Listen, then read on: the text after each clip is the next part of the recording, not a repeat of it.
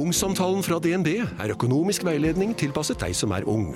Bokk en ungsamtale på dnb.no. slash ung. Det er kjempebra hvis du skal inn på boligmarkedet! Hvis det er drømmen din, liksom. Det er det du skulle sagt. Og så kunne du ropt litt mer, da, sånn som jeg gjorde. Bam! Bli med inn i hodet til John Ausonius.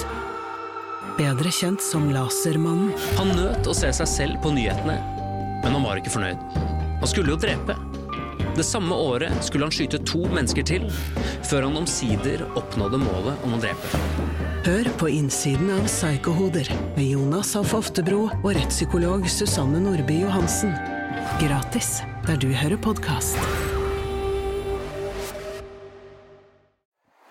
Hei dere, velkommen til Biohacking Girls podcast. Vi leder showet, og jeg er Alette. Og jeg er Monica. Vi er gode venner og kolleger, og vi legger sammen våre erfaringer og kunnskap for å inspirere deg til å bli din egen biohacker og optimalisere livet ditt. Vi følger med på ny forskning og trender, og stiller de spørsmålene vi mener er nødvendige. Ja, vi deler informasjon om biohacking, life coaching og fitness, og vi håper at du vil føle deg inspirert og klar til å ta et tak for å komme i den beste helsemessige form. Velkommen til Biohacking Girls podcast. Ja, da sitter vi her igjen da, Monica, og i dag skal vi snakke om ja, et av våre favorittemaer, og det er jo søvn. Det er jo Alt biohackingen handler om det, og nå når vi har fått såpass god styring på søvnen vår, så vil jeg si at det er en superpower vi sitter med her. Det er det første biohacket du starter med, og det er veldig mange fasetter. Eh, vi har hatt flere podcaster om temaet, så det går an å spole tilbake og høre, men nå skal vi litt dypere til verks. Vi skal snakke om protokoller og eh, ekstremtiltak man kan gjøre for å optimalisere søvnen.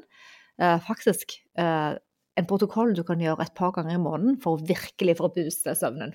Ja, den gleder jeg meg skikkelig til å prøve. Så i dag er vi så heldige at vi har din lærer, Joel Green, tilbake på podkasten, for han har en protokoll på dette med søvn. Ja, Joel Green han driver noe som heter Weep Nutrition. Og han utdanner folk gjennom eh, The Immunity Code. Han har skrevet en bok som handler om en immune-centric approach til helse. Det betyr at han eh, deler opp alt innenfor helse. Altså han snakker om eh, celler og mitokondrier. Og ja, vi skal faktisk bare velge ut ett tema i dag. Vi har nå bare snakket om søvn, men vi ønsker velkommen fra California. Joel Greene, welcome back to the podcast. It's awesome to see you again. It's great to see both of you. Thanks for How having me. How are you? Yeah, I'm doing great. Doing great. Did my cold plunge this morning, feeling energetic. Put on my uh, menthol on top of that and feeling the burn. So it's all good. Yeah. That's, that's awesome. We're going to talk about sleep today. But first of all, why don't you just recap a little bit what you're doing right now? What is Veep Nutrition and your education that you're teaching people among me? yeah. sure. Yeah. Um, well, uh, for those of you in the audience that are don't know of who I am, um, I wrote this book called The Immunity Code, and the basic idea with it is, um, you know, I, I, started doing fitness like when I was five, and that was that was like a, a billion years ago. and what kind of happened to me about 30 years into it was that in real life, working a real job and working 14 hour days, and you know, trying to trying to go to the gym and all that, that um, really what it netted out to was that there was a foundation that really I didn't have, and I didn't even know that I didn't have it, and it involved things that were non-time intensive. And what that evolved into over many years was i created this set of protocols that are designed to go at the most powerful effectors of health which are things that are based on the immune system. So for example like in the gut and the connection between the gut and body fat and aging and muscle and sleep and all these things. And so the net of that is just a series of was you know we call it biohacking now but like i started in 2007 i started with the gut and then a lot of a lot of what I'm doing, the protocols came out of that, and they're things I've been doing going back to about I think 2010. You know, like the cold, the getting cold, and all that. And so, anyways, it's it's all part of a series of protocols called the Immunity Code. And then what happened was I uh, did some consulting for Quest Nutrition, and the idea for the book came out of my time there. And then I published a book, and it did really, really well, shockingly well. And then next thing you know, I started this coaches course and started certifying coaches in it, and then blah, here we are. So it's amazing, and we really uh, we like your uh, Instagram. You you share a lot of uh, important uh, messages. But how was it back then when you started? Because now like you say, biohacking is uh, very trendy and uh, everybody wants to get mm. into the optimization mm. of mm-hmm. health. But back then, you were a bit mm. odd, weren't you? yeah, um, yeah, it's interesting. Um, so, you know, right about um, I think the year 2000 for me, like a lot of people, I had just kind of come up doing reading bodybuilding magazines and just you know doing that kind of stuff. And right about 2000, I just everybody started dropping dead. Like like all these famous people were just dropping dead at a young age. And then everybody that I personally knew that had done it for a long period of time, like they had neck problems or knee problems or, or shoulder problems, that mobility was really limited. And I, I really kind of started to look at it like oh, this this isn't really healthy like if, if the goal is to be healthy and live a long time this is not it's not where we're going so i was around that time, the early 2000s, messing around with a lot of different kinds of diets. And I wound up doing, uh, I started this, I started this website to put out good content because I had been in the search engine industry and I was, I saw how all these marketers were, you know, writing content that was coming up number one on when you did a search and it was really bad content because they didn't know what they were talking about so i started this website just to put out good content and right about 2006 that was when the first article on the first science paper on the gut biome came out by Dr. Jeffrey Gordon. And I started doing content based on that. And I created a um, series of articles on, on the gut biome and weight loss. And it was talking about like bacteroides and firmicutes and all that stuff. And this was way back then. So I did these protocols that I created that were basically just based on feeding the gut substrate and they worked like incredibly well like really really well. I got like completely ripped like doing them really short period of time and that sort of started the whole thing and then nobody was really doing this kind of stuff or talking about it until roughly about 2015 is kind of when it started and so for me what it, it was a very long road because like i had this software and we were doing corporate wellness engagements and I, they would always send in the the the um, they always had a phd on staff and an md and they'd send me in front of them and i'd be talking talking about all this biohacking stuff that they didn't understand. So I'd be talking, you know, about like GLP-1 and targeting GLP-1 with food and targeting the gut biome. And they were, and it was a hard sell. It was a really hard sell. Um, but I got lucky. We got a few different deals and that led to like just proving like the biohacking stuff really worked because we had like thousands of people doing the biohacking stuff and they would get in and do it. And you always heard the same stuff like, wow, man, my energy went up. I feel better, you know, you always heard the same stuff. So it was just the early years were, um, it was just it was hard because there were a lot of skeptics, but now it's kind of accepted. So Great. It's uh, it's wonderful to uh, actually hear a bit of the background too, because I mean, now today you're teaching teaching so many people, and today we're going to talk about sleep. We're going to narrow down this episode to to uh, yeah. yeah. discuss this. just a fraction of what you what you teach, yeah. and yeah. we know that you know a lot about sleep. But first of all, let's just start with why has sleep become such a problematic thing for us? Yeah, that's a really really good question. It's it's really foundational too. Um, so uh, uh, there are, I believe, two really big factors that are driving um, sleep disruption that we see nowadays. The first is just simply lack of exertion and if you go back um, before the invention of the automobile, the average person was walking seven miles a day on average. So if you figure a 20 minute you know, it takes 20 minutes to walk a mile. And most people were usually carrying stuff when they were walking. So you, you know, you were carrying additional weight and then walking. So it's about 20 minutes a mile. So that's like 140 minutes a day of walking to walk that. And so the average person was around bedtime exhausted from all the extra work they did. Okay. So, and that ties into to the second issue. And the second reason has to do with the way that modern living has sort of evolved, where we have this combination of electromagnetic frequency combined with interacting with screens 24 7, and then just a lot of stress also the last few years with COVID and all that. So, what you see is that electromagnetic frequency on its own will disrupt a lot of critical cellular processes.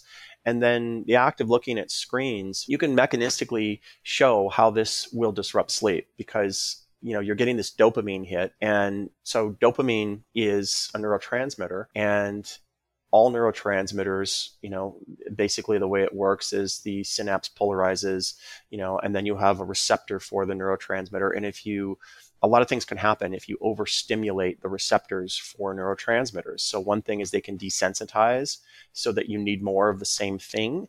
And the other thing is that you can make more of the enzymes needed to to um, reconstitute those neurotransmitters. So, for example, there's an enzyme called monoamine oxidase that breaks down dopamine. If you have, too, if you have, if you're getting too much dopamine, you know, too, too much stimulation, then one of the things that can happen is you make too much monoamine oxidase and then you get depression and a lot of other things can happen from that. So basically, long story short, is that what you see very common is cortisol rhythms invert. So you should have more cortisol in the morning, less in the evening. But we see a lot of the exact opposite today, where you have very low cortisol in the morning, low energy, and then high cortisol in the evening. So you're tired and wired. And so when you combine basically modern living with screens and EM fields with the lack of exertion that we used to have, you have a real problem. It makes sense, a lot of sense. So, if you could uh, explain for us, Joel, what sleep, what the state sleep actually is. Mm-hmm. Yeah, um, at its at its most fundamental biological level, um, sleep serves the function of repleting energy in the body, repleting ATP. That is the most biological sort of uh, inventorying of what it does. And so, ATP, and then you need to explain for the listeners what is ATP too. Yeah, yeah, yeah, yeah. This gets really interesting. So, the fuel source for our cells is called adenosine triphosphate. And basically, it's you have adenosine, and then you have that connected to phosphates, and the phosphates in the bonds is energy. And so, as a phosphate is released, energy is released, and that powers the cell to do work, to make proteins and do all kinds of cool things. Okay. So, what happens is we can actually prove that the purpose of sleep is to replete ATP by looking at what drives sleep. So if you look at what drives sleep, it's very complex. There's a lot of things working together, but there's one thing above all other things that seems to bring sleep onset, and that is the accrual or the increase of adenosine without the phosphate molecules in the brain. So in other words, how do you get adenosine without the phosphate molecules? You deplete your energy. You have to blow off uh, the triphosphate, the diphosphate, and then the monophosphate, and what's left is adenosine. Okay, that's what's left. So as adenosine in the brain adds up throughout the day, you get more and more adenosine. That's the thing that triggers sleep. You'll go to sleep. In fact, you could prove that to yourself. Like if you've ever just had to use the brain intensely, you know, for a period of two to three hours, like maybe public speaking or something. At the end of that, you just feel overwhelmingly tired, like you need a nap. It's because you've depleted the adenosine in the brain. And the purpose of sleep is to go back to sleep to restore adenosine. So the mechanism that institutes sleep above all others is adenosine accrual, which is related to the repletion of energy. And then sleep has a lot of other functions, notably repair. And you need money, you need currency to power the repair because you have to make proteins. And that's where the ATP comes in. So that's a bit of a mechanistic dive, but yeah it's technical it's technical but that's okay we need to know these things because there's so many theories and strategies about sleep and how can we choose and combine these so it works for us it's so many advices out there the different theories and the strategies for sleep what should we look for um, uh, yeah, in other words, like what are some of the different ways that we can improve sleep? Yeah. Um, so going back, there's a lot of different ways to improve sleep, a lot of different things that can work. What I found outside of like massive efforts works really well is stacking little small efforts that take very little uh, time, very little energy, and give you incremental improvements of five to ten percent. I found that works really well because um, essentially like if I have a bad night's sleep and then I really need to sleep the next night, I can choose like how many of these things and how much effort I want to put into it. And they they they do work. They are extremely additive, you know, in terms of improving sleep. So there's you know, we can look at supplementation that that can be very very effective, particularly for different things. Um, we can look at breathing techniques that works really well. We can look at temperature and messing around with temperature, and you know, a number of other things all work really well. Lot um, things like um, even some yoga stuff at bedtime. And, you know, none of them solves the problem, but you can kind of add a lot of these things, biohacking techniques, you know, like blue blockers and just a lot of different things that um, on their own is maybe, a, a you know, a, 10 20% increase but when you start to add three four five of these things you know it really works and then i'll do a thing called super sleep which is i'll do like you know 20 of them all at once every now and then just to get a good night's sleep so so the, so the super sleep uh, protocol uh, if the listener would try that how would you suggest uh, they would do that First thing is start with a really big breakfast in the morning. That's the first thing I would do. So, one of the missing elements of understanding how sleep works is factoring in food cycles into it. And like, you know, I don't have a ton of coaching clients. I have have a couple of like um, clients that have been with me for a long time. And, you know, when we run into sleep issues, one of the things that we'll do to um, restart or re um, correct sleep cycles is start with a really huge meal in the morning. And what that does is it tends to advance the sleep clock in the evening, so you'll you'll get an earlier onset of sleep. What is a really big breakfast and what time? Yeah, um, so that, that, that's interesting because it, it plays into um, timing and diurnal rhythms and timing matters like you know difference of an hour or two can can really make a difference. So um, generally speaking though if i'm looking to reset sleep with someone um, we'll start it kind of like first thing in the morning so so the earlier they have that meal it's going to advance the sleep clock later at night. And then um, it's pretty simple. It's just kind of a, a, a bunch of protein a bunch of carbs moderate amount of fat and that's that's kind of it. But you know, calorically speaking, like um, I'll go up to a thousand calories for a meal like that. Um, and what you'll notice in the evening is that if you were experiencing kind of like just not tired, you'll you'll want to go to sleep earlier. So it advances the sleep clock. Um, that's the first thing. And then the next thing would be and just a, and just a little side question to that, Joel, because the trend uh, this is something on the side, but the, the yeah. trend with fasting and intermittent mm-hmm. fasting now, mm-hmm. do you think that disrupts the sleep? Because mm-hmm. the oh, yeah. yeah Tell 100%. me about that too. Yeah. So fasting um, plays a very important part in the equation of sleep because as we get older, you begin to lose AT, uh, you begin to lose NAD as you get older, and then NAD and sleep work together. They work in a circle. So um, sleep repletes or replaces NAD, but then NAD drives the onset of sleep. And so as you begin to lose sleep, you lose NAD production. And then as you lose NAD production, your sleep gets poorer. So they work together. So one of the techniques that we can use to kind of replace NAD is fasting. So fasting will replete NAD, but if you do fasting too much, then you disrupt sleep. So fasting can disrupt sleep. So the way that I've kind of constructed to make those two work together is you do very short bursts of fasts. You do them three times a week, maybe four hours, and then you prep that fast the day before by the, the gut bacteria, which actually mimic fasting in a lot of ways. But all that to say, what we're seeing nowadays is a lot of people jumping on the fasting bandwagon that weren't doing it like five years ago or back in 2015. They weren't doing it, so it's new. And what you'll see with anything, probably the sing, there's there's a couple of ideas that are missing today in, in the biohacking ecosystem that are really really critical to understand. One of those ideas is what I call the time inversion effect, and basically it's that things work really well up front, and then after a while they don't really work that well, and then over longer periods, they actually do negatives. And you'll find this is true of everything that you could do. Like, for example, if you're on a low carb diet, adding some carbs in will probably help your workouts at the gym. You'll probably notice, like, oh, wow, this is great. I feel more energy. I'm stronger. That's great. But if you begin to like overdo carbs, then over time, you're going to start to notice negatives come in. Okay.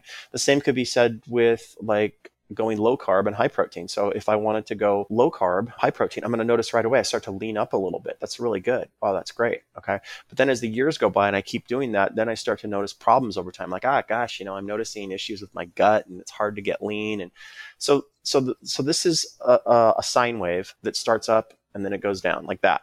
Okay. And it's true of absolutely everything. So if you introduce fasting into that picture, what you'll notice is that when you first start doing fasting, there's a lot of benefits to it. You notice that you lean up, your energy is great, you're burning ketones, you feel fantastic. Okay. But then as the years go by and you keep doing it, you begin to notice other things like the gut begins to get kind of messed up, sleep gets disrupted, you can't get lean, all kinds of things. So all that to say that, you know, we've got a generation that jumped on fasting, but really haven't done it long enough to see what happens if you do too much of it. And one of the things that can happen if you're doing too much fasting is you'll disrupt your sleep. Okay. So this big breakfast. Uh, I've tried it, so I know it's really good. But the first thing in the morning, or like 30 minutes after you wake up, you do that. That's the first thing in the protocol. Yeah, and number one. yeah. What's number two? okay, number two. Number two.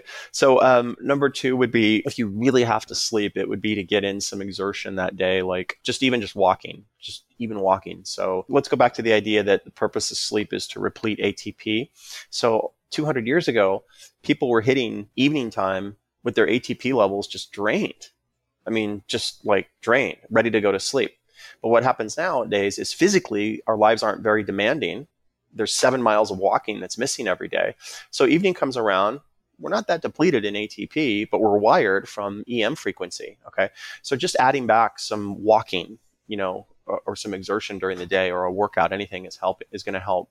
And then the next thing really has to do with once evening is approaching, right about dusk, you want to add blue blockers. And blue blockers are, you know, they're really overrated and misused in a lot of ways, but the perfect use of them really is like right at dusk. And then because it's been proven they will improve your sleep duration, your sleep quality, your sleep onset time. So just getting right at dusk, adding in blue blockers is kind of like the next thing I would do, which is really simple and easy. And if you did nothing else other than a big breakfast and blue blockers and little exertion, you're going to have better sleep. Yeah, but you have like 20 steps. Yeah, they're they're actually uh, free. I think if you go to my um, Instagram in my um, my link tree, there's a thing called the Young Body Challenge, and I think the whole super sleep thing is in there. But oh. um, yeah, so the next step would be then a high carb meal at dinner, a small high carb meal. So when cortisol gets inverted, one of the ways that you fix uh, issues with cortisol is through carb feeding because carb that's what people do naturally. Like like when people have very stressful jobs, they'll come home at night and they'll do two things. They'll drink wine and they'll eat carbs. Okay. Like wine and pasta. And that's how they get yeah. their stress down. So a little strategic use of carbs like a grilled cheese sandwich, which I put in the book. Um, really helps sleep onset. The spike in insulin helps sleep onset, and then dairy and cheese has bioactive peptides that um, not only help you sleep, but they also help fat oxidation during sleep. So, small high carb meal for dinner is very, very effective. It helps drive sleep onset. So, typically, most people at this point, like if they're doing the blue blockers and a small high carb meal, they're like, oh, wow, yeah, I'm definitely feeling sleepy. And then a few tricks to just start adding on to that is the use of heating the extremities. So if you heat the hands and the feet, the hands and the feet are radiators. There's been some really interesting research on this that shows that um, the rate of heat loss through the hands and the feet, it's it's absolutely amazing. Like if you go in cold water and clench your fists, your rate of heat loss is going to be dramatically different from if you open your fists. And so the hands and the feet work like radiators. They work both ways for heat and cold. So what you'll notice is that if at bedtime you get the hands and the feet warm, putting them in, I would say not like hot water, but maybe like really, really warm to hot water, put them in that.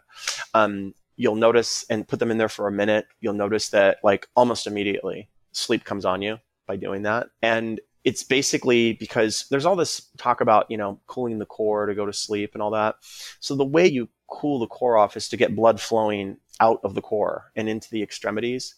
So you have to heat the extremities. There have been some people that have said, well, you got to take cold shower at bedtime. That's exact opposite. What will happen is blood will flow into the core and you'll get kind of like, you'll get kind of high. You'll be like, ah, I feel really pumped up. You know, it's because of the cold. So just heating the extremities at bedtime will drive sleep. In fact, it, the cool thing I like about that is it's, you, you could try it tonight. It's so easy. You just get a bucket, fill it with hot water, put your hands and your feet in there for like a minute and you just like, you begin to really feel it. You once, once the extremities vasodilate, blood flows out, especially after a high carb meal. So the next thing on the list would be looking at. I'd like to do uh, bedtime yoga flows because the thing with yoga is it's it's so good at moving lymph and it's so good at moving blood. And so I'll just do a couple of yoga flows at bedtime, but I'll really sit into the crunch positions. Like um, I'll sit, I'll really push into the cobra and then really really lean into the um, child's pose. And just really feel the blood flowing. Just feel and exhaling while you're doing that. And so just lets so much stress out doing that. You're getting stress across the whole body out.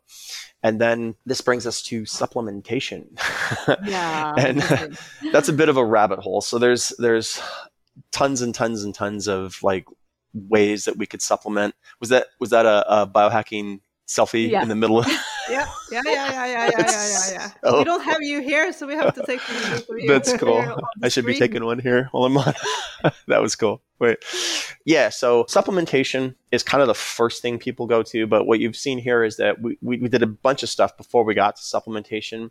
And every one of these things like is a 10% improvement. Okay. And now mm-hmm. subs can really so the number one thing that I talked about in my book was most people suffer from an imbalance of the neurotransmitter GABA. Like you can't shut your brain off at night. So GABA is the very first thing that will shut your brain off. That's what you need.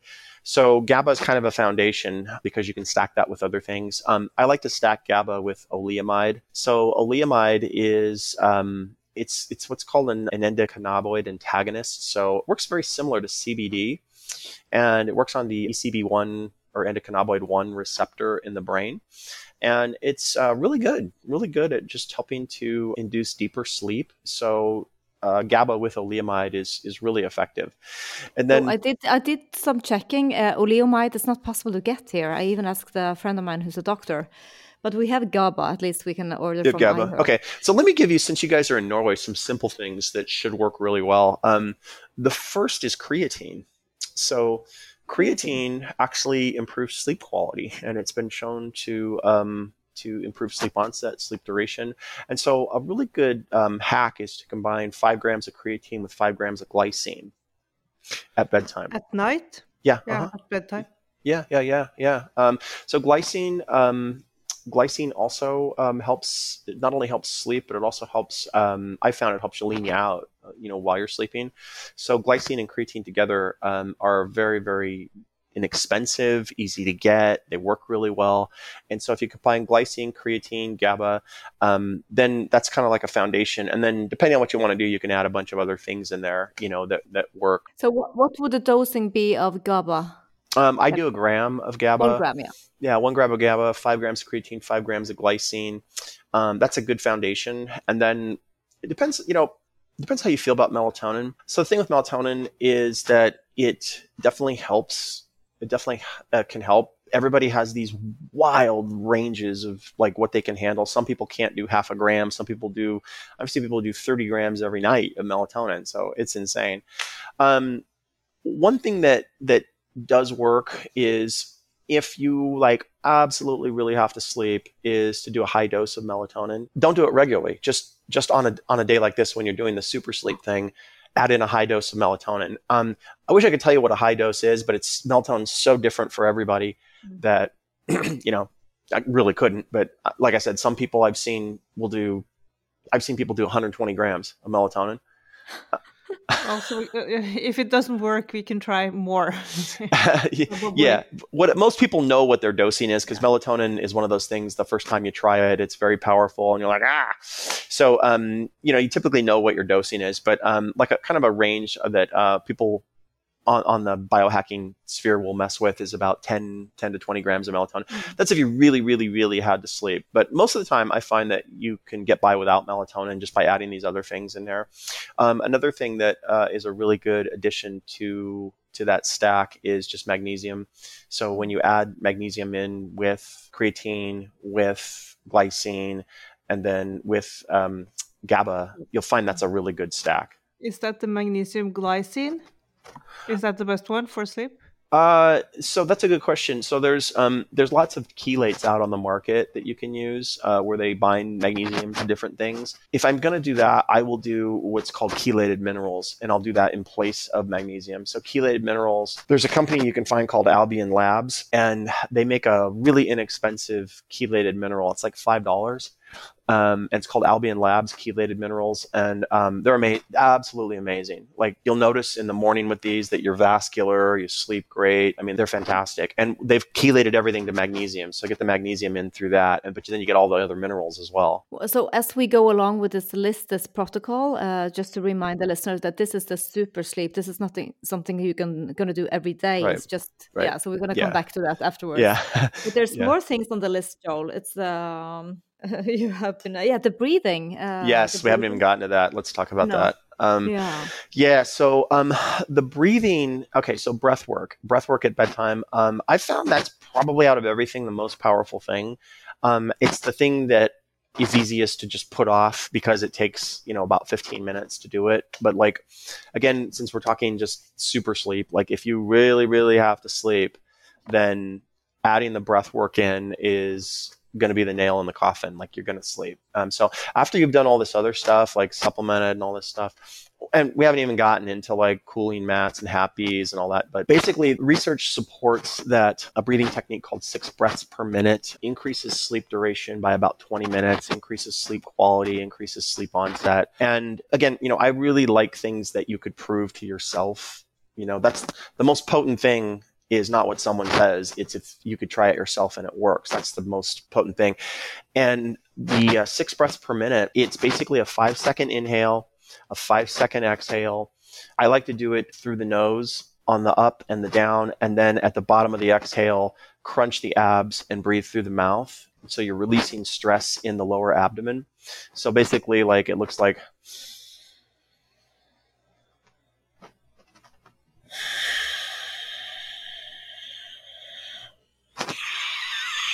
And now I'm crunching down on the abs. Okay. Yeah. It's been it's been actually proven to be true that you have a brain in your heart. You have neural tissue. You have you know you have neural tissue in the heart. You have you have a you have a brain in the gut. And so a lot of energy and physical stress gets locked up um, in the stomach. And so the act of exhaling and then crunching down on the abs, you release a ton of stress. So with the uh, six breaths per minute, basically um, what I like to do with it is I take it. Um, I'll do 12 minutes of the um, six breaths. And I just just get your iPhone and you know just clock it for 12 minutes.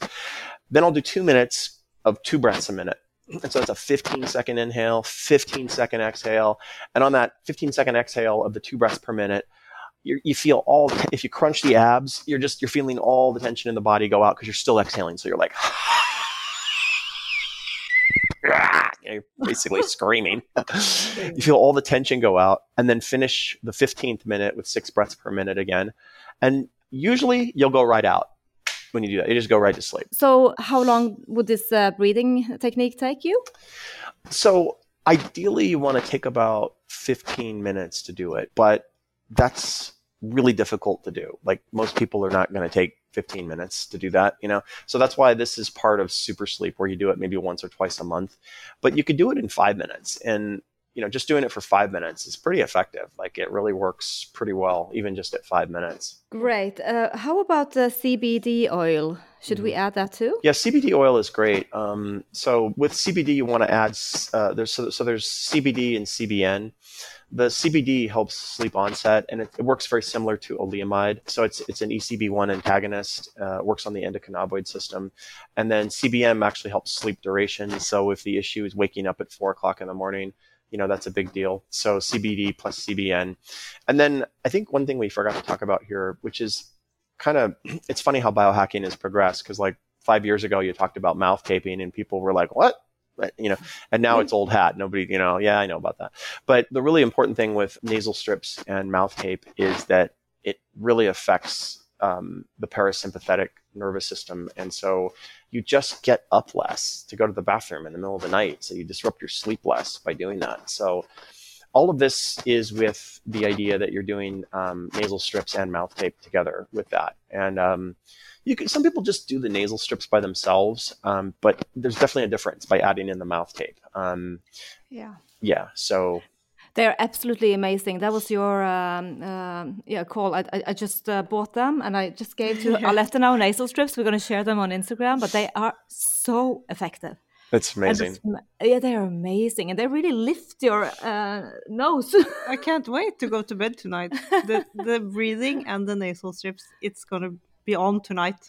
Oh, it's on. It's on like Donkey Kong. Yeah, oh, great. yeah, yeah be careful when you rip them off because you. Oh yeah. You shouldn't rip them ah. too hard. I, I I've got to make a better way to do it. What I've noticed is that I'll either get a zit, like like this is a zit here from from wearing you know the the nose strips, and then I've had it where I've just worn them too much, and then I, I actually get like a little tear or a little cut in the skin yeah. from wearing them too much.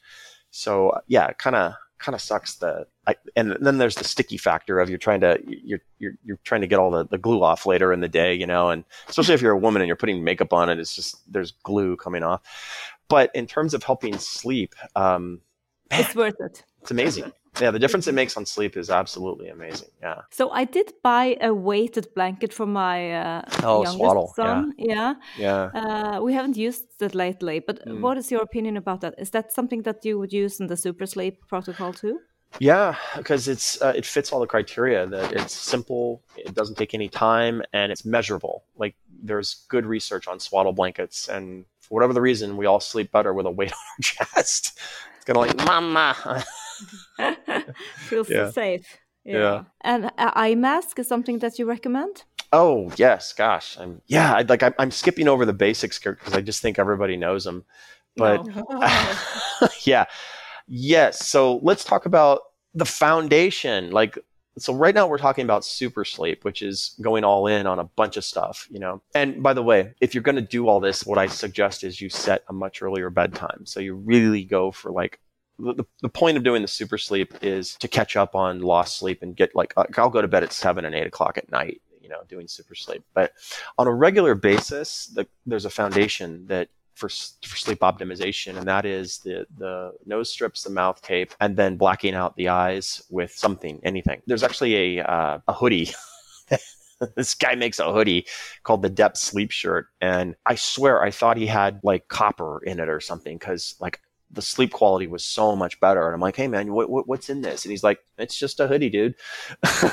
and it just it what it does though is it really tightens down over on the eyes, and and so because because it's tight, you like if you're just using a cloth or you're just using something, you don't notice the di- the differences that you're getting a little bit of light coming in. You don't get anything with this hoodie, um, and it makes a difference. Like you just sleep later and better. Yeah, it's really great. So blacking the eyes out and wearing the nasal strips. And then how about the the Wi-Fi, the power? Uh, So the main thing with EM and Wi-Fi is number one, just you, you don't want to have anything near you while you're sleeping. So get, get it out. Um, I'll, I'll put mine in the microwave, which um, we, we were having a laugh about that. Um, so the microwave is supposed to be a bit of a Faraday cage. It doesn't work that great. I've tried it, but it does work a little bit. And I've actually bought Faraday bags. So I have these Faraday bags I stick my stuff in and they do work. But then the other thing is just a couple things that sometimes people don't think about is that your flat screen in your bedroom, it essentially it's magnetized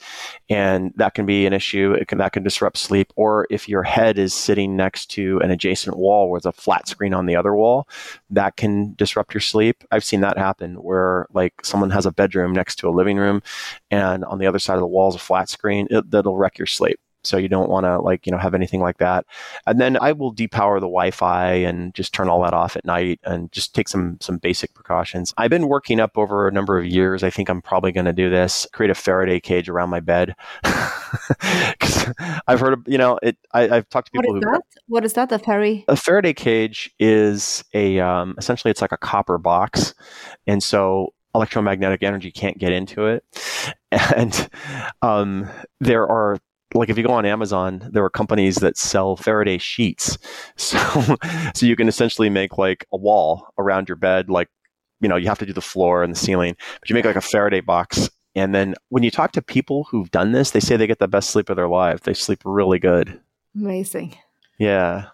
You have to make it. You can't buy it yet. there might be there there might be now people who are selling it. Um i mean okay so biohacking's crazy right? People do crazy stuff. I've seen faraday paint on the wall like painting the walls with you know paint that blocks em and then all of these contrivances to block electromagnetic radiation at night. And it, it, it is a real thing. Like there, there's a thing called forest bathing. Yes. and it's just going away to a forest for like three days. And people that have done it swear by it you know because you get away from electromagnetic radiation you get you know grounded and you know, it really works so yeah all this stuff does work Yes, so uh, there's a long list here, and the intention of doing this program is to improve the sleep. But uh, so you say one to two times per month. How long time does it do? It seems like a full time job to just go through all these things. well that's the that's why it's called super sleep and that's why you only do it once or twice a month it, it, it is a job literally yeah it's i mean it's it's takes a lot of effort and I, I think as a longevity thing like you know think about like weight loss like you have kind of maintenance stuff that you do you just to maintain. And then every now and then you get to a place where you're like, I got to lose more. And then you get all serious about it, you know? And so it's very similar that you have the normal maintenance routine you do for sleep. You know, maybe that's mouth tape and you know nose strips and maybe some GABA. It doesn't take very much time. And then you have kind of like the when you need to catch up on sleep routine, or just I think it's a good thing to do as you're getting older because we sleep less as we get older because it's just harder to sleep well.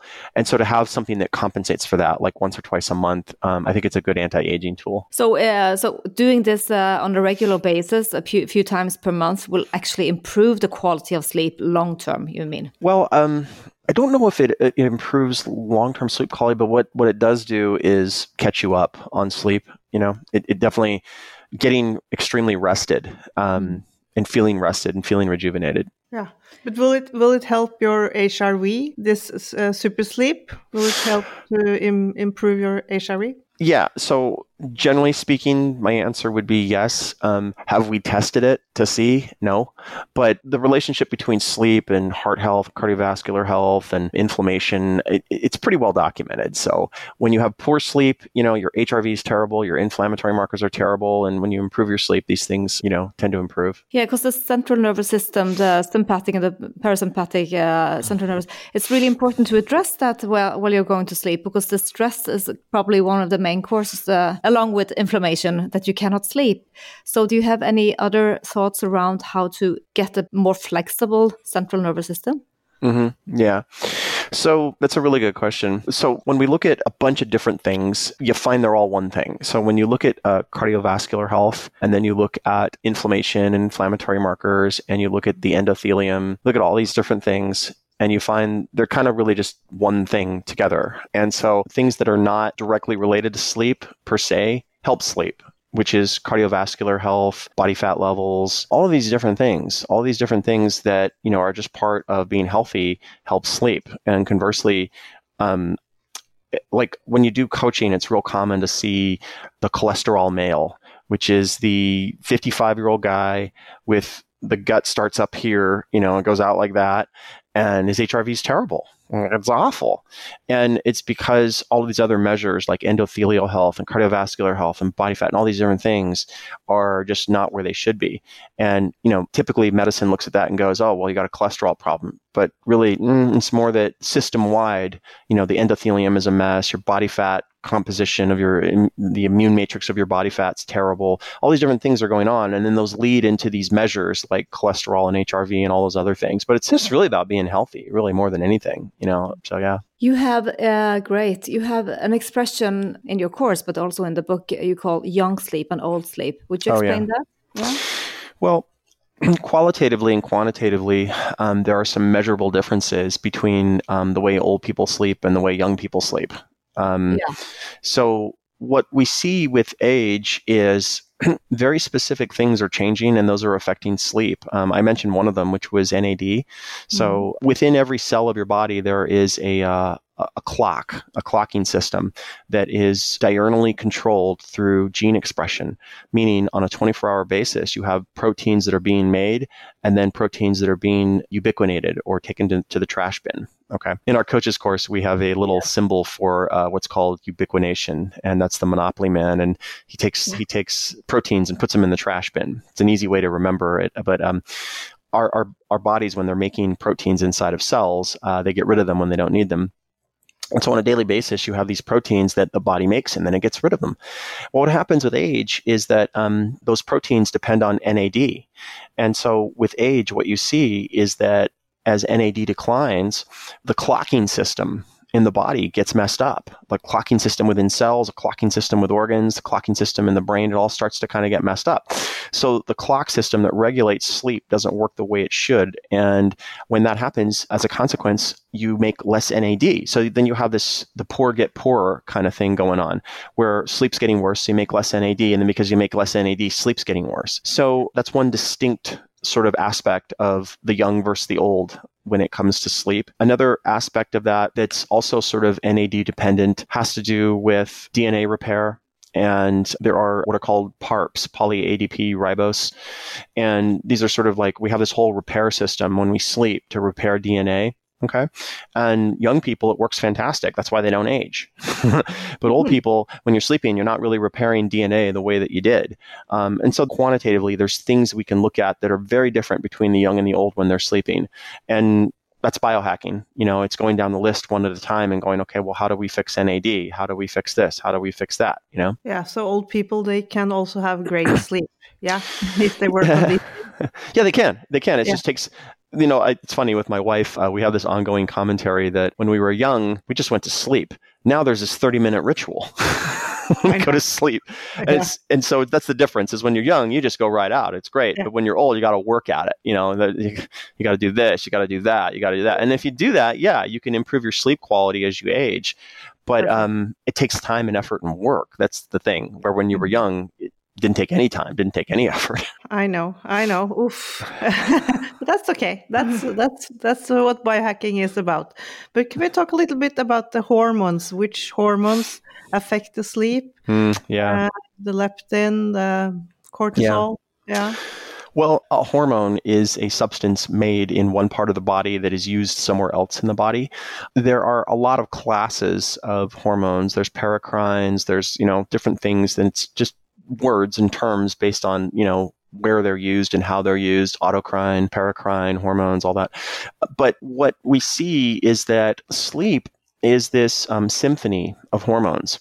And there are different um, processes going on. So they're even labeled like there's a, what's called process S and process C. And one is the, sort of the accumulated factors, the other is the diurnal factors, and they kind of work together. And then on top of that, the hormones also make all that work. So you have different classes of hormones that um, are involved in sleep. One is sort of the uh, the food hormones, okay, or f- hormones related to food, the the orexigenic, and basically something that doesn't get factored in the equation very much is that food related hormones really impact sleep. So that would be leptin, ghrelin, PYY. These these things have a, a dramatic impact on sleep, and they're related to food cycles and inputs of food. And it's one of the reasons that over time fasting can disrupt sleep because you're losing the food hormone side of the equation. Then there are the sex hormones, and the sex hormones dramatically impact sleep, particularly as we age. So loss of estrogen, loss of estradiol, loss of testosterone, all these things, they dramatically impact sleep. So suffice to say that hormones are a huge piece of the equation. And that's why I don't like to boil sleep down to like any one thing. You know, it's a lot of things working together. But when it comes to like fixing those things or when it comes to sort of optimizing the body, you know, we kind of have to think about how food hormones impact sleep, which is one of the reasons, like, if we want to do super sleep, you have a big meal in the morning. So, what you're doing is you're getting this big post meal hormone shift, and that's going to impact sleep. And then we also have to think about the sex hormones. And so, like, typically, like with perimenopause, first thing you see is sleep disruption, you know, taking place. And there's some actually some easy fixes for that. You just basically just get women taking progesterone just a little bit and it'll help sleep quite a bit. And there's a lot of other fixes that we can look at hormonally, and, and that gets into that gets beyond biohacking and into medicine.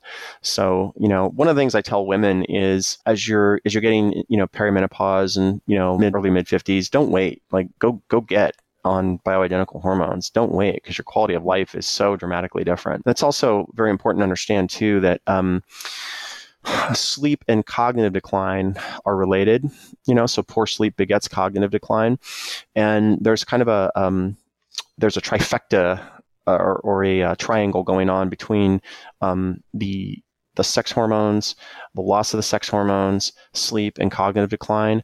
And so, what we see with women is that if they get um, if they get like hormone replacement therapy early, then they don't get the issues of cognitive decline. But if they wait, um, and if they wait till like they're in their 60s to get it, then it actually makes cognitive decline worse. So there's a window of opportunity. Are we talking like Alzheimer or Yeah. like yeah, Uh-huh. yeah. Yeah. Oh, yeah. Yeah. So there's there's what's called a window of opportunity with respect to the bioidenticals and to hormone replacement therapy, and um, basically it's kind of like your your early to mid, maybe late 50s. That's kind of the window of opportunity where if you have um, hormone replacement therapy, then then in your late 60s, early 70s, they don't see the incidence of cognitive decline.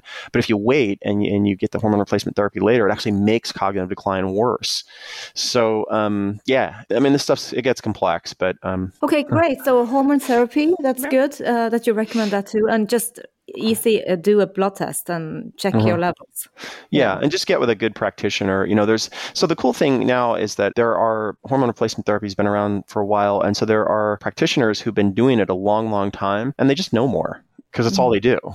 You know, that's all they ever do is they they do that. And so when you get with a good practitioner who's doing hormone replacement therapy, they really know a lot about like kind of the the tweaks and the ins and outs of how to do hormone replacement therapy. And so all that to say is that the longer we do anything, the better we get at it. And and we're in a place now where there are practitioners who've done it for a long time and they know a lot. So yeah.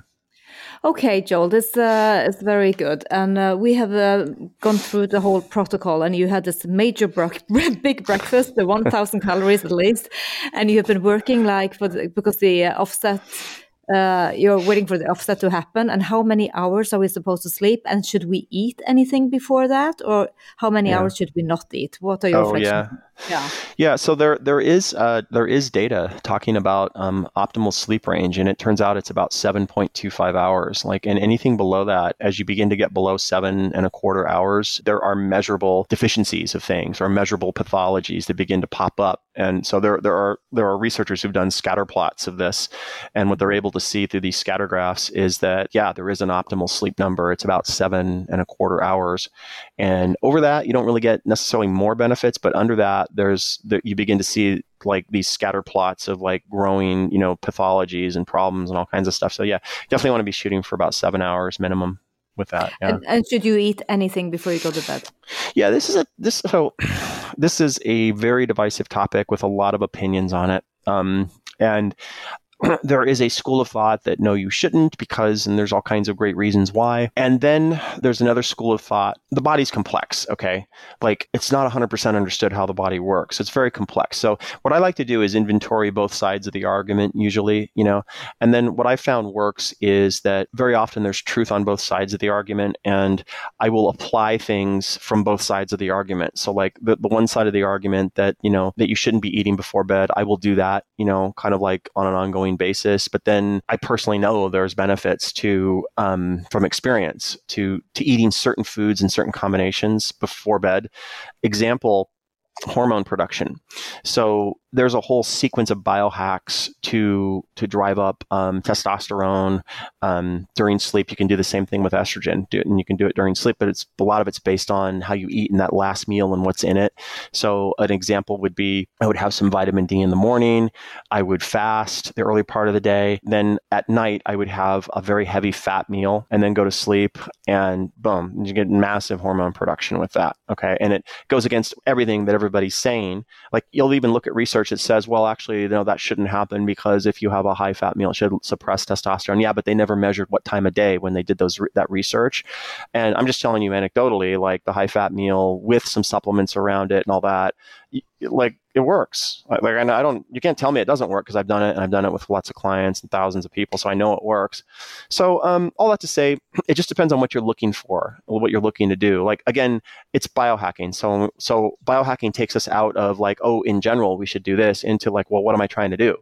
If I'm trying to um, like, I'll give you an example, something I might do. I'm gonna do um, a really intense. I usually do a really intense workout on Saturday mornings. That's like for me, I do that. And so to set that up, um, I will have uh, before the workout.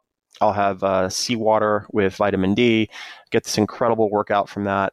Um, and then going into bedtime, I'm taking kind of a testosterone stack. So I'm having like, you know, uh, zinc, magnesium, uh, fenugreek, you know, all these things that, that uh, help with testosterone. And then I'm having a high fat meal at bedtime. And so then when I go to sleep in my recovery, I'm getting like uh, this nice bump of testosterone from doing that. So that's that's biohacking. We're taking, you know, like specific outcomes and creating hacks to make improvements. And it, the fun with biohacking is you can try it yourself and see if it works. really cool. Yeah, Really I good. love. Yeah, I love that that you can actually use these things to switch on your hormones as well. Do you hmm? measure? Do you measure? Do you use any of these devices to measure your sleep? Yes, I do. Um, I haven't. I got. You know, it's like anything else. It's a toy, so you play with it, and then you know you, you get in into it, and you get out of it. So I'll go into periods where I do. You know, and I'm, I have a. I have um the wristband one. I forget the name Whoop, of it. the Whoop, the Uh, Whoop band. maybe that's it. Yeah. Garmin. Yeah. And so, anyways, I'll measure my sleep with that. The number one thing you have to measure, absolute most important thing, if you're going to do that, is you have to you have to measure. And what I suggest with everybody, like when you first start anything, whether it's a fitness routine or biohacking, the very first thing you want to do is you want to get in and measure your O2 sat during sleep. That's the most important thing. So here's here's what's not generally known. So when you look at your PaO2 and you look at like you know you're you're wearing a pulse ox or however you're going to do it, and you're looking at sleep, the thing to understand is that the measure that you get for um, your serum oxygen saturation. That's a measure of uh, that's a measure of like hemoglobin okay? Saturation points. That's not tissue saturation. It's not the same thing okay? So what happens is um, right about 91 going from 91 90 to 89 the PaO2 measure the measure of your um, serum oxygen sat is only going to drop three points but going from um, 91 to 89 you drop 40 points in your tissue. So if you are dipping below like 91 in your sleep, your O2 sat, that's massive. That's major. You, you've got to get on that immediately. Like, and I've done it with like clients where they're dipping into the 80s during their sleep. That's catastrophic. I mean, we're talking like nothing good comes from that. Nothing good will come from that. So you have that's the first thing you have to fix is if you are dipping below 91, 90 in your O2 sat at night, you got to fix that. So the Oura Ring can actually measure this now. Yeah. Yeah, so that's great. Yeah. We have good numbers, Aletta. Yes, we do. Um, But we have been hacking our sleep for a long time, for Monica. many, for many years. I would like to do the protocol. I haven't done that. Oh, me too. Yeah. But thank you very much, uh, Joel. Uh, to sum up, you have uh, this um, protocol takes you a couple of hours. Uh, you start in the morning because you need to have the big breakfast. And then the goal is to sleep uh, like a baby for 10, 12 hours or so. Yeah, that's that's basically it. And it's yeah, it's um it's kind of like a what's the word for it's a biohack but it's kind of like um, a next level biohack where you're you're putting a bunch of things together to get something very powerful like a really powerful thing what i suggest is go ahead Alette. No, I think that if you have this wonderful sleep, this will actually, yeah, you will do that the next day as well, as much as you can. So it's going to be a, like, the effect is going to be for the whole month, I think. you know how biohacking works is is people try something and it works and then they just double down and do it even more Too much sometimes. We have to be, be careful. Yeah. yeah But thank you very much for all your knowledge again. yeah great to It's amazing. Is there any new courses coming from you soon, or uh, you still have the coaching courses? But uh, is there something happening? Are you writing a new book? Or yeah, um, I have a new book coming out. I'm going to start pre-sales in March, and that's going to be the diet piece. And I'm I'm pretty excited about it. I'm there's so much confusion in diet. Uh, There's a few things I really want to put to bed for good, and most of what we have out there is I've, I've been calling it 10 years ago nutrition. It's it's just so 10 years ago. It's so 10 years ago. It, it's like I, I can't even believe that it's put out there. It's just it's so 10 years ago. That's all I can say. So new book coming out, um, and then I have a new uh, the third and final product coming out, um, which is my HMO product, and it's it's it's not just HMO; it's got some other goodies in there, and um, very excited about it. And it almost didn't get made because there really isn't a business case for HMO. If you're going to use HMO properly, like think about this: you don't breastfeed the rest of your life. You you breastfeed up front in life. It sets the immune system, and then you wean off. Okay, that's how it's supposed to work. So, in taking the the Immunity Code HMO um, apple peel protocol, the idea is that you reset the gut. You get it approximating like a youthful gut. Okay, and then you maintain. So, what that means in practice is that you have this 10, 12 day period up front, and then um, on an ongoing basis, you know, you don't like once a week, maybe, you know, you don't need it that much. Well, that doesn't really make for product sales if you, if you, if you, if, you're honest and you do it correctly. So, for me, the thing that was the very first thing in my book is the last thing to come out with because I had to have all these other things in place to subsidize this product where it doesn't matter if I make money on it. I don't care. And so with this new product, um, it, it kind of completes the circle. And so there'll be the, the young body, the young reds in this, and then you can do the gut reset and then um, you can use um, the the HMO product kind of intermittently just to maintain, and um, it's going to be pretty powerful. So I'm I'm excited about that, and it's I'm excited that it's done the right way. There there've been some people out there trying to you know kind of make money off the immunity code, and you know they're in the business of selling product, and so hey, you should take this every day, and that's not the right way to do it. So. No, so we do the the reds we do every second day, and the young body the second every second day, and then Mhm. the HMO should we do that every day and just for a period of time or Oh, um, yeah. every I- day? So if you're going to do the immunity code protocol, just basically what I've created is um, go to my Instagram, sign up for the Young Body Challenge, and I've created the basic steps of the immunity code there, and just follow them through for like the first, uh, you know, you can literally go for the first ten days doing that, and then it'll just step you through every piece of it, how to do it. But the Young Body and the Young Reds, that was meant to be like massive health. Like if I could take health and condense it down to two things, if you're if you're doing the Young Body and the Young Reds and you're doing that with the diet, super healthy, super healthy. We have to ship those to Norway because we order them from you in the states now, so we have to get some kind of deal. it's it's coming. It's it's coming. I got a I got a uh, I got a Europe deal I'm working on, and maybe I'll just um, I'll have you guys be my my Norway distributor. Uh, we'll see yeah, how it goes. Right. okay, we'll uh, we'll put the links over uh, under for your book uh, to to pre-order the book too, and. Um, we'll talk again soon, Joel. We will. Yeah. yeah. Thank you so much. We'll talk when your new book is out, huh? Yes, indeed. Great to see you, girls. Thank you. Thank you so much. Bye. Take care. Take care. Du, det var hyggelig å ha Joel Green på tråden igjen, men vi lover at på torsdag så skal vi det, Han er jo veldig teknisk, han virker så Altså, han kan jo så mye, så vi skal lage en oversettelse og en liten recap til torsdagsepisoden, sånn at dere får det med dere litt på norsk også. Ja, og det er veldig hyggelig med tilbakemeldingene, at dere setter pris på at vi tar en runde på norsk når vi har internasjonale gjester. Men for at vi skal kunne lære så mye som vi gjør, og så er vi nødt til å hente kunnskap fra utlandet. For dette, den kunnskapen Joel Green sitter på, den er helt unik. Men i alle fall, dagens episode handlet om sleep, supersleep-protokollen hans. Og han gikk ganske nøye gjennom både rutinene for å, for å optimalisere søvnen, at man gjør da denne protokollen én til to ganger i uken. Mm. Det virker kjempespennende, og det å liksom ta en sånn liten reset, og det å Jeg tror liksom det viktigste av det med denne protokollen, er jo det å holde fokuset på arbeidsoppgaven din. Du skal faktisk jobbe med søvnen din. Det er like viktig som at du går og trener, som hva du spiser, og at man da bruker to dager i måneden på ja, å virkelig jobbe med sin egen søvn. Jeg tror det vil ha veldig god påvirkningskraft for at du faktisk ønsker bedre søvn resten av måneden også, om du ikke bruker hele protokollen. Nei, Det synes jeg var veldig fint at du påpeker, Alette, for det er en jobb. Ingenting kommer gratis. Eh, men den, den, innsatsen på det arbeidet, den vil du få tilbake.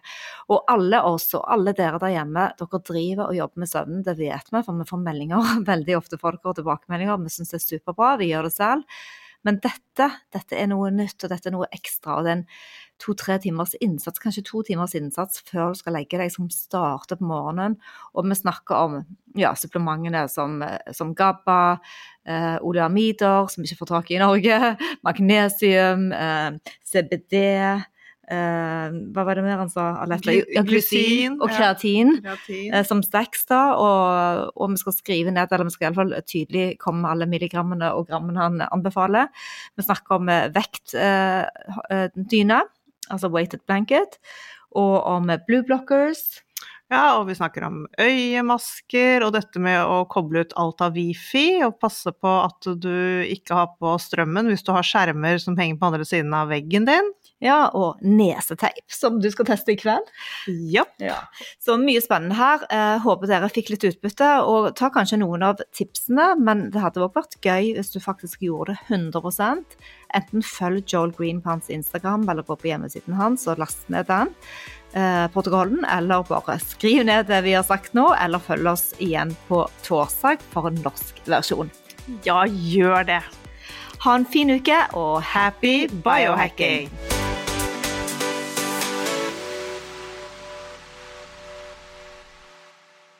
Vi minner om at dere må snakke med egen lege eller kostholdsveileder om dietter og andre spørsmål relatert til medisiner og supplementer. Informasjon vi deler, kan ikke bli brukt til å diagnostisere, behandle, forebygge eller kurere noen sykdommer eller tilstander.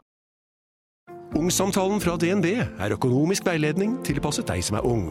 Bukk en ungsamtale på dnb.no. ung. Ok, det var jo en syk døll måte å forklare ungsamtalen på, da. Hæ? En smart prat om penga mine, ville jeg sagt. Ikke sånn kjedelig økonomisprat, skjønner du.